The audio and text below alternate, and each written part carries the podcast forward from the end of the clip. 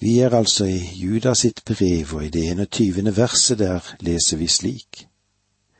Hold dere i Guds kjærlighet mens dere venter på vår Herre Jesu Kristi miskunn, som gir dere evig liv. Her er altså to ting som de troende skal legge vind på i en frafallets tid. Hold dere i Guds kjærlighet. Vi må være oss bevisst at Gud elsker den troende. Vi har sett at Judas har tiltalt de troende som mine kjære. Og det innebærer ikke at han elsker dem og at de elsker ham, men at de er elsket av Gud. La meg igjen få minne deg om at du kan ikke holde Gud bort ute fra å elske deg.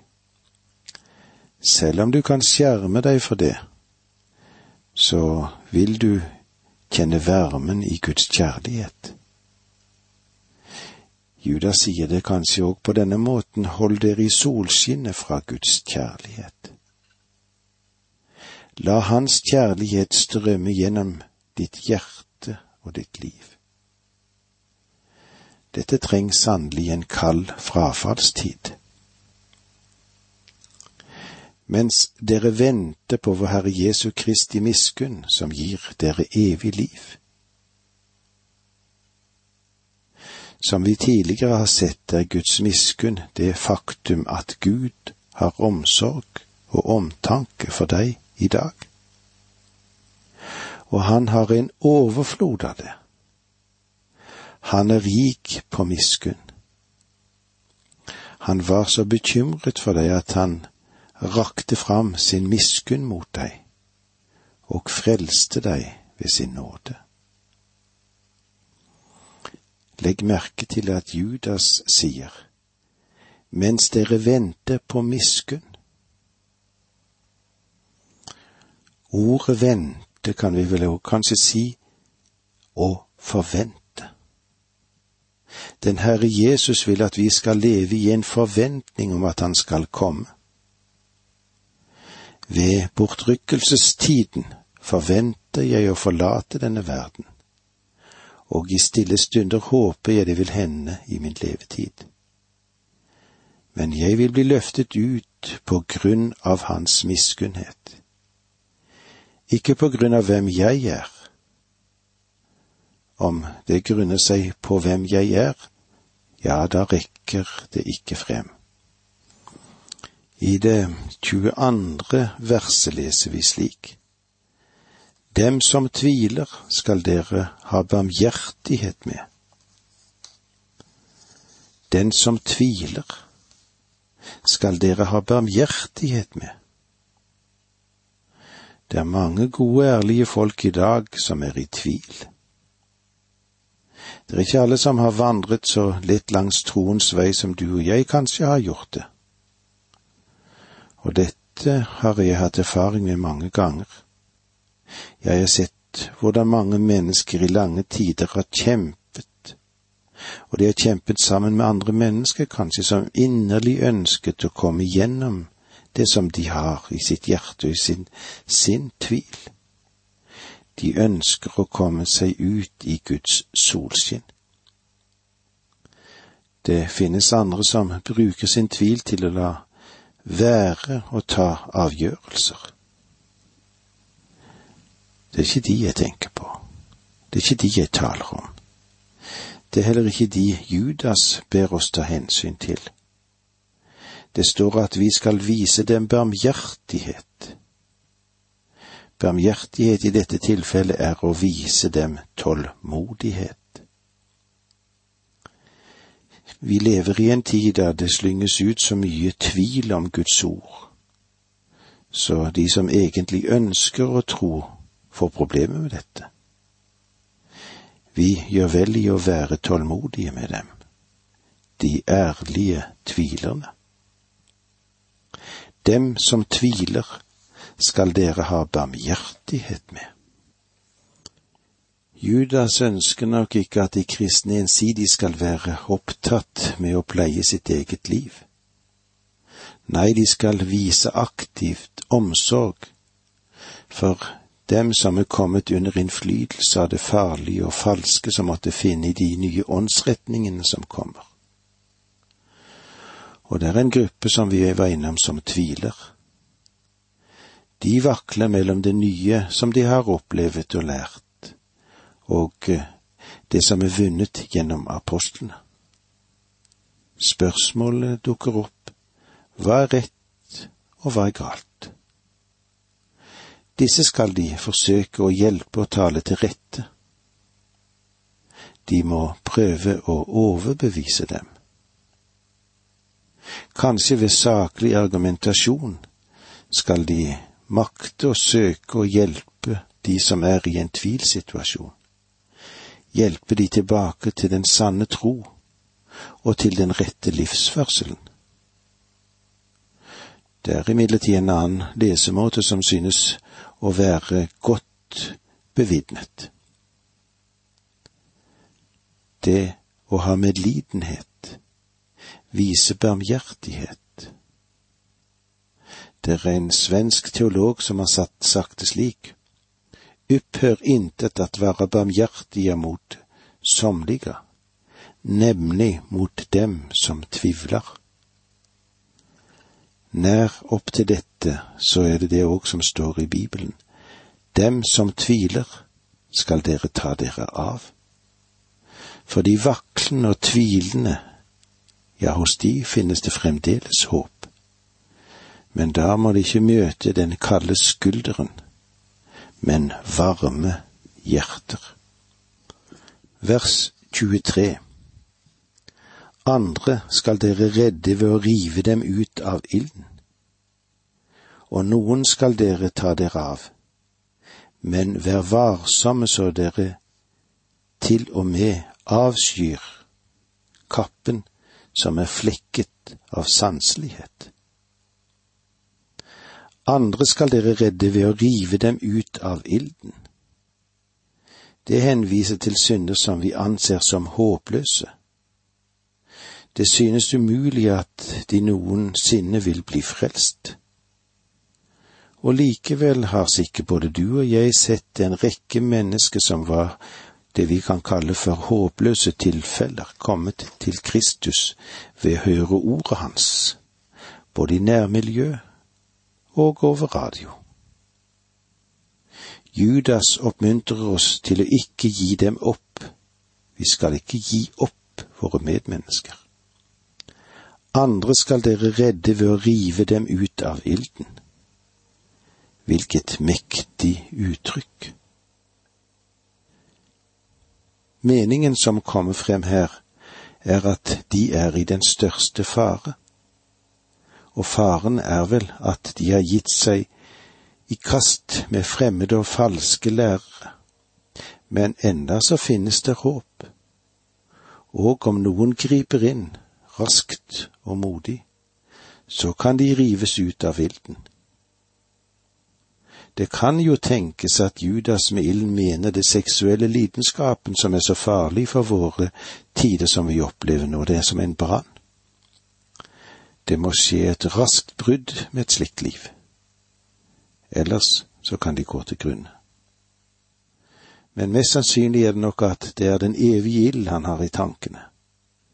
Det gjelder fremfor alt å redde dem fra den evige fortapelsen. Og vi har òg en tredje gruppe som vi skal være oppmerksomme på. Andre igjen skal dere miskunne dere over med frukt, idet dere hater endog den av kjødet som har en smittet kjortel. Eller som det står, som er flekket av sanselighet. Her tenker nok Judas på de som er kommet langt inn i forvillelse, at de ikke lenger vil høre på noen tilrettevisning eller ta imot noen hjelp. Bare en holdning fra din troende side er da mulig, medlidenhet og barmhjertighet. Tross alt så er det enda en mulighet. Andre skal dere redde ved å rive dem ut av vilden, og noen skal dere ta dere av. Men vær varsomme så dere til og med avskyr kappen som er flekket av sanselighet. Og med disse ordene sier vi takk for nå, må Gud være med deg. Dette undervisningsprogrammet består av to deler. Åge Nevland fortsetter nå med andre del av dagens undervisning. Vi er inne i det siste programmet som vi har stoppet opp for Judas sitt brev. Dette mektige skriftavsnittet som vi får lærdom og bør ta lærdom av, hvor vanskelig det kanskje vil bli i den siste tid, kanskje i den tid som vi lever i nå, der du og jeg er. I vers 23 så står det slik, Andre skal dere redde ved å rive dem ut av ilden, og noen skal dere ta dere av, men vær varsomme så dere til og med avskyr kappen som er flekket av sanselighet. Ser vi Zakaria 3.2, så leser vi slik. Herren sa til Satan, måtte Herren vise deg til rette, Satan. Ja, måtte Herren som har utvalgt Jerusalem vise deg til rette. Er ikke denne mannen en brann, revet ut av vilden. Gud ville så gjerne frelse i Jerusalem, så han sa, Jeg henter bare en brann ut av ilden.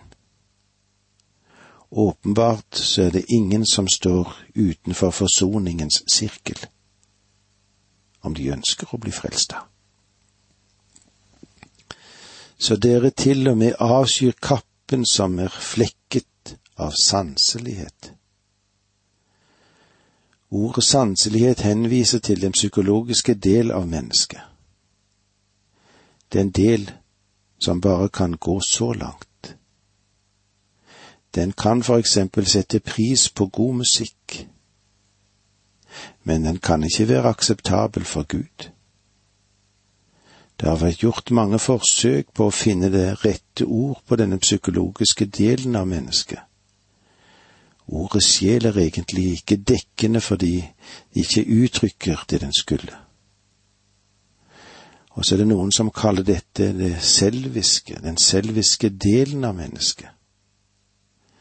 Det er heller ingen god beskrivelse fordi noen psykologiske personer er meget noble, selv om de ikke er kristne. Andre kaller de for intellektuelle som er det minst tilfredsstillende av alle. Faktum er i alle fall at et Guds barn skulle til og med avsky kappen som er flekket av sanselighet. Gud kan ikke bruke noe som er det som kjødet fremstiller. Ingenting av det vi har, ingenting av vår menneskelige natur kan hjelpe oss, for dette strider mot Gud. Han kan ikke tolerere det, og vi burde lære å ha den samme innstillingen, vi. Denne lille boken som vi nå er i avslutningen av, boken til Judas, eller kan vi si hans epistel, avsluttes med en herlig velsignelse. Vi leser sammen versene 24 og 25. Han som har makt til å bevare dere fra fall og føre dere frem for sin herlighet, feilfrie og jublende. Han, den eneste Gud, vår frelse ved Jesus Kristus, vår Herre. Ham tilhører ære og majestet, velde og makt før alle tider, nå og i alle evigheter. Amen. Om du ønsker å vite hvilken posisjon Jesus Kristus burde ha i ditt liv, spesielt i disse frafallstidene, så finnes det her altså en vidunderlig velsignelse. vår frelser ved Jesus Kristus. Han er Gud, og han er vår Herre. Han skulle være herre i våre liv og over våre liv. Ære skulle gis til ham. De skulle opphøye ham, fortelle ham hvor stor han er, hvor vidunderlig han er, hvor mektig han er, og mektig til å frelse. Han er majesteten, han er kongenes konge og herrenes herre, han er mektig i all evighet, og all makt er gitt til ham i himmelen og på jorden. Dette universet har ikke glippet ut av hans kontroll. All autoritet tilhører ham, enten vi liker det eller ikke. Og det er for ham du og jeg en dag skal bøye våre knær. Han som har makt til å bevare dere fra fall og føre dere fram for sin herlighet, feilfrie og jublende. Han, den eneste Gud, vår frelser ved Jesus Kristus, vår Herre. Ham tilhører ære og majestet, velde og makt, før alle tider, nå og i alle evigheter. Amen. Om det er slik at vi som kristne, vi troende, kan kjenne på egen svakhet, og vi kan se på alle de farer og snarer som legges ut for oss, ikke minst det som vi har vært vitne til nå, de falske veiledere, så er Gud i stand til å holde oss oppe. For Han som er i oss, er, er større enn Han som er i verden. Og han er ikke bare mektig til å bevare oss på livsveien. Han er også den som makter å holde oss oppe i dommen. Og han, hvis vi går til den gamle oversettelsen òg, er vidunderlig stille oss lyteløse frem for sin herlighet i fryd. Lyteløs, uklanderlig, ustraffet, feilfri. Uttrykket minner om offerdyr i Det gamle testamentet som måtte være feilfritt. Og fremfor alt om Kristus, som bar seg selv frem som et ulastelig, et feilfritt offer fra Gud. I kraft av dette fullkomne og stedfortredende offer er Gud i stand til å stille oss feilfrie og ustraffelige frem for sin herlighet, den herlighet som vil omgi ham på dommens dag. Det er denne framstillingen som skal skje i sin tid, ikke med sorg og klage, men i fryd, i glede. Dommen og dommens dag skal for de troende bli en jubeldag. Vi skal stå der ulastelige, lytefrie, feilfrie og jublende, på den store seierens dag, på Kristi dag. Eller slik som vi òg kan se det i Filippenserbrevet 1.6 og 2 ni til elleve. Og jeg er viss på at Han som begynte en god gjerning i dere, skal fullføre den helt til Jesu Kristi dag. Også to ni til elleve. Derfor har Gud høyt opphøyet ham og gitt han navnet over alle navn, for at hver kne skal bøye seg i Jesu navn, i himmelen, på jorden og under jorden. Og hver tunge bekjenne til Guds Fader ære. Jesus Kristus er Herre. Lovprisningen, den avsluttes i tilbedelsens tegn. Den eneste sanne Gud, Han som er til alle tider. Vår Frelser ved Jesus Kristus. vår Herre. Ham tilhører herligheten, storheten, styrken og makten før all tid, fra nå og i all evighet. Det er bare én sann Gud, Han som utøver sin frelsende gjerning gjennom Jesus Kristus, Han som er vår Herre.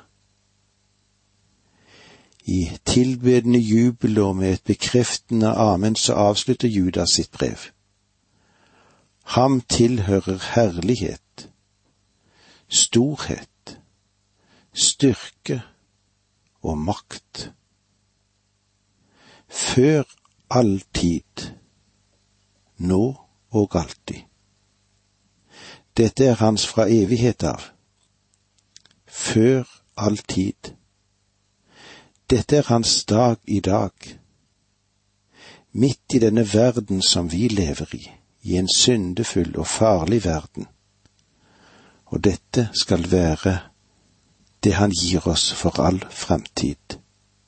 Gud alene være æren. Og eh, med disse ordene må vi si takk for at vi fikk lov å gå gjennom dette brevet, denne epistelen som Judas har gitt oss. Midt i en frafallstid så trenger både du og jeg sannelig bringe ære til navnet Jesus, og forsøke å løfte ham opp foran en protesterende og fallen verden. Jesu navn hvor skjønt det klinger, la det runge over jord. Ja, det er dette budskapet vi har å dele med hverandre, og med disse ordene så sier vi takk for nå, må Gud være med deg.